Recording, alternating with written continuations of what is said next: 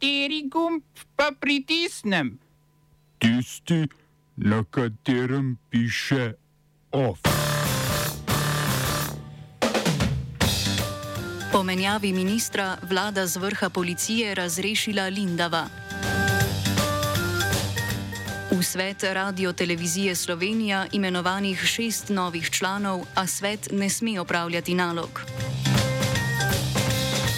Meddržavno sodišče Azerbajdžanu naložilo zagotovitev prostega prehoda v Lačinskem koridorju.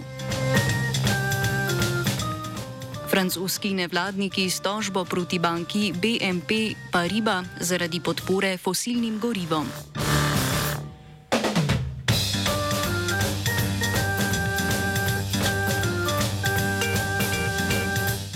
Meddržavno sodišče v Hagu je Azerbajdžanu naložilo zagotovitev prostega prehoda skozi Lačinski koridor. Lačinski koridor je edini prehod, ki z gorsko cesto Armeniji omogoča dostop do regije Gorskega Karabaha. 12. decembra lani je Azerbajdžan koridor začel blokirati. Azerbajdžan trdi, da so blokado postavili okoljski aktivisti, ki protestirajo proti lokalni rudniški aktivnosti Armencev. Armenija je zaradi blokade koridorja Azerbajdžan obtožila etničnega čiščenja. Sodišče je ugotovilo, da imajo dokaze o preprečevanju tranzita skozi Lačin, kar otežuje dostavo hrane in zdravil v Gorski Karabah. Regija je mednarodno prepoznana kot del Azerbajdžana, a sta državi v konfliktu za njen nadzor še iz časov, ko sta bili obe republiki Sovjetske zveze. Konec leta 2020 je v šesttedenski vojni zmagal Azerbajdžan, od takrat pa se je na območju zgodilo še nekaj manjših spopadov.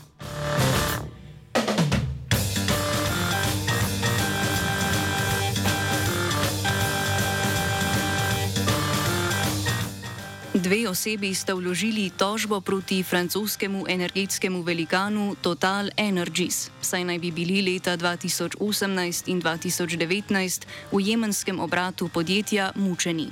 Kot trdite v tožbi, ki sta jo vložili na sodišču v Parizu, so ju v obratu za utekočinjanje zemljskega plina v mestu Balhaf mučile sile Združenih arabskih emiratov. Trdita tudi, da je podjemen Jemen LNG, z katerega največji lastnik je Total, obrat uporablja kot zapor. Osebi Total obtožujeta, da podjetju ni uspelo prepoznati in preprečiti kršenja človekovih pravic. Po francoskem zakonu iz leta 2017 morajo namreč francoska podjetja spoštovanje človekovih pravic pri svojih dejavnostih nadzirati in objavljati letna poročila. Vendar Total v svojem poročilu obrata v Jemnu ne omenja.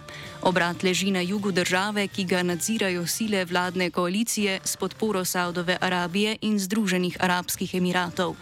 Združeni narodi so že leta 2019 obrat prepoznali kot del mreže centrov za pridržanje na jugu Jemna. Takrat so v Totalu trdili, da nimajo upraviteljskega deleža v obrati, obratu in ne vedo, kaj se v njem dogaja.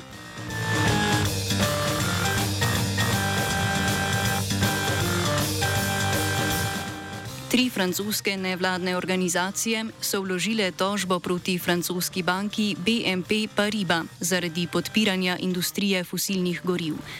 Organizacije Les Amis de la Terre, Notre Affaire Atu in Oxfam France so tožbo vložile zaradi neupoštevanja njihovih zahtev oktobra lani. Organizacije so od BNP Paribas zahtevale, da prenehajo s financiranjem industrije plina, fosilnega goriva in pričnejo z uporabo nafte in zemljskega plina.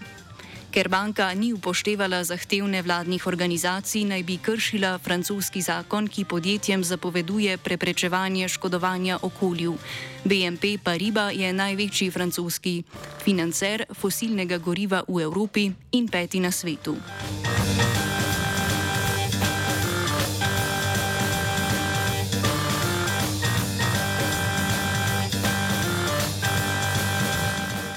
Evropska komisija je prepovedala rabo aplikacije TikTok na službenih napravah svojih zaposlenih.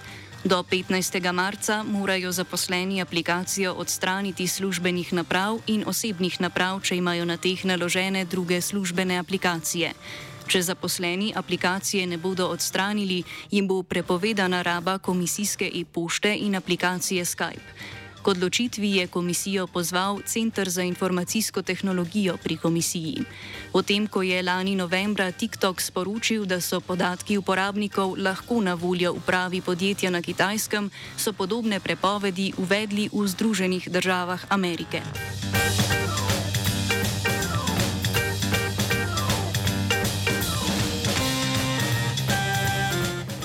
Mehiški senat je potrdil volilno reformo. Nacionalni volilni inštitut je sporočil, da reforma ogroža transparentnost volitev, ko inštitutu zmanjšuje moč sankcioniranja volilnih kandidatov in strank, ki kršijo pravila financiranja volilne kampanje. Inštitut je pristojen za organizacijo vseh volitev v državi, nadzor na voliščih, izvajanje sankcij zaradi kršitev na voliščih in štetje glasov. Senat je napovedal zmanjšanje števila zaposlenih na volilnem inštitutu za 85 odstotkov. Reforma bo tudi skrajšala čas za organizacijo volitev in oklestila pravila za javne uradnike, ki kandidirajo na volitvah, medtem ko opravljajo svoje funkcije. Reformo mora sicer podpisati še predsednik Andres Manuel López Obrador, ki jo je decembra tudi predlagal. Opozicija je napovedala uložitev pobude za ustavno presojo reforme. Predsednik je željo po reformi utemeljil z izjavo, da je delovanje inštituta v trenutnem obsegu za državo predrago. Zmanjšanjem števila zaposlenih namerava prihraniti prek 100 milijonov evrov letno. Lopez Obrador je kritik volilnega sistema v Mehiki od predsedniških volitev leta 2006, ko mu je do zmage zmanjkal manj kot odstotek glasov. Volilni sistem je želel reformirati že lani, a mu to ni uspelo zaradi premajhne podpore v kongresu. Naslednje splošne volitve bodo v Mehiki poleti 2024.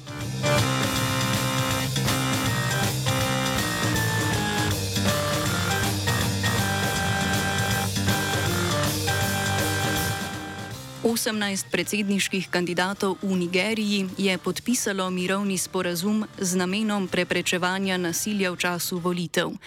Podpis sporazuma sta organizirali nevladni organizaciji Naravni mirovni komite, Nacionalni mirovni komite in Center vodji Kukah. Gre za že drug tak sporazum pred volitvami. Prvega so v prestolnici Abada podpisali septembra 2022, a je bil že večkrat kršen. Splošne volitve bodo v Nigeriji to soboto. Trenutni predsednik Muhamedu Buhari, ki funkcijo opravlja dva mandata, na letošnjih volitvah ne more kandidirati. Med 18 kandidati so favoriti za novega predsednika Bola Tinubu iz predsednikove vladajoče stranke, Atiku Abub. Abu Bakar iz desne ljudske demokratske stranke, laborist Peter Obi in Rabiu Kwankasu iz nove nigerijske stranke. Smo se osamosvojili, nismo se pa osvobodili. Si našteli še 500 projektov. Izpiljene modele, kako so se strani nekdanje LDS rotirali. Ko to dvoje zmešamo v pravilno zmes, dobimo zgodbo o uspehu. Takemu političnemu razvoju se reče udar. Jaz to vem, da je nezakonito, ampak kaj nam pa ostane? Brutalni obračun s politično korupcijo. To je Slovenija,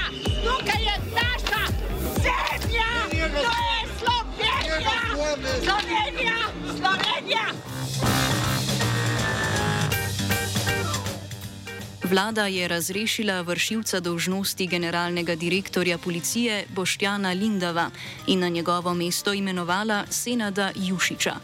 Zamenjava na vrhu policije sledi torkovemu prevzemu notranjega ministrstva strani Boštjana Poklukarja. Ta je predstavil svojo delovno ekipo in novega šefa policije.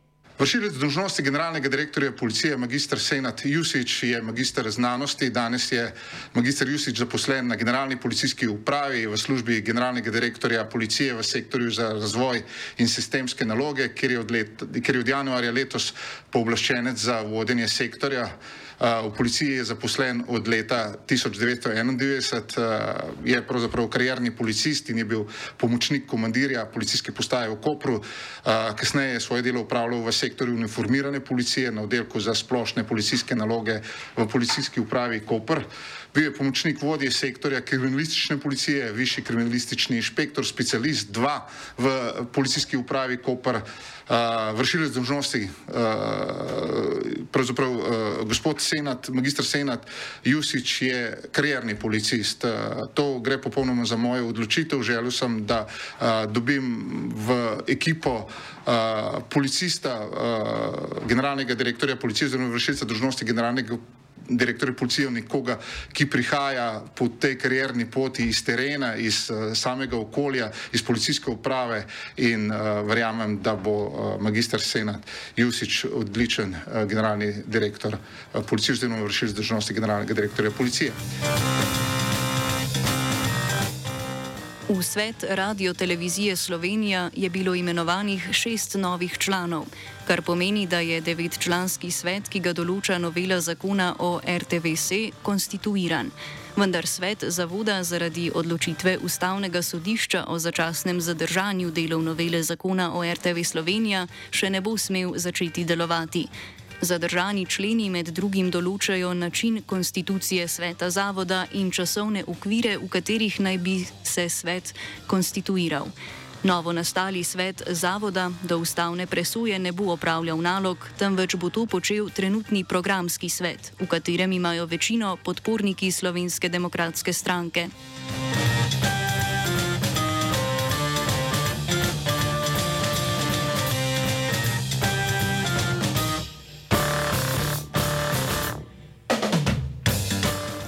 Ministrica za kulturo Asta Vrečko je pojasnila, kaj pomeni, da je svet konstituiran in kako se to razlikuje od dejanskega delovanja sveta. Svet RTV eh, po novem zakonu je bil konstituiran, eh, imenovani so bili eh, člani, objavljeni v uradnem listu. Je pa res, da zaradi zadržanja zakona, to, kar je bilo tudi objavljeno strani Ustavnega sodišča v ponedeljek, svet RTV Slovenija naj ne bi imel pristojnosti, da bi lahko začel s svojim delom. Kljub temu pa je treba povedati, da nadzornemu svetu svetu RTV Slovenija in pa programskemu svetu RTV Slovenija, s tem uh, je potekel mandat. Je uh, nekaj, na kar so uh, opozarjali tudi uh, v ločenih mnenjih ustavne sodnice. Mi seveda hm, preučujemo možnosti, spoštujemo pa tudi odločitev ustavnega sodišča. Ampak po naši interpretaciji je svet bil konstituiran, ampak zaradi zadržanja zakona um, ne vemo, kako uh, bi lahko začel s delom. Akademskih 15.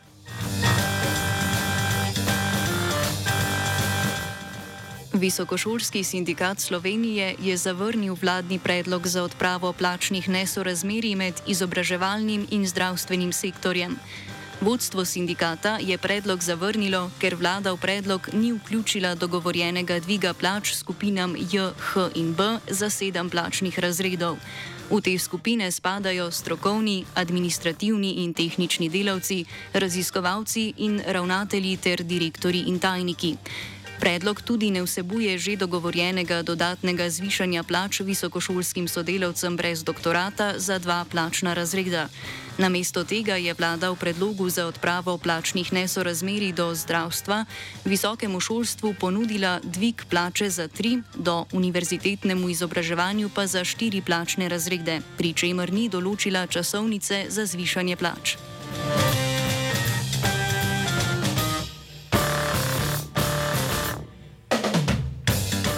Pri sindikatu zahtevajo, da se vlada odzove na vse njihove odprte in dogovorjene stavkovne zahteve, saj bodo v nasprotnem primeru posegali po drugačnih sredstvih sindikalnega boja.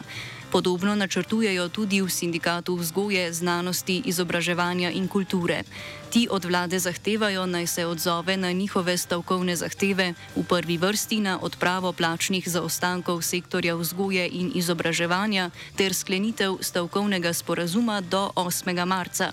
Če do dogovora z vlado ne pri, bodo prišli, bodo 13. aprila izvedli drug stavkovni dan.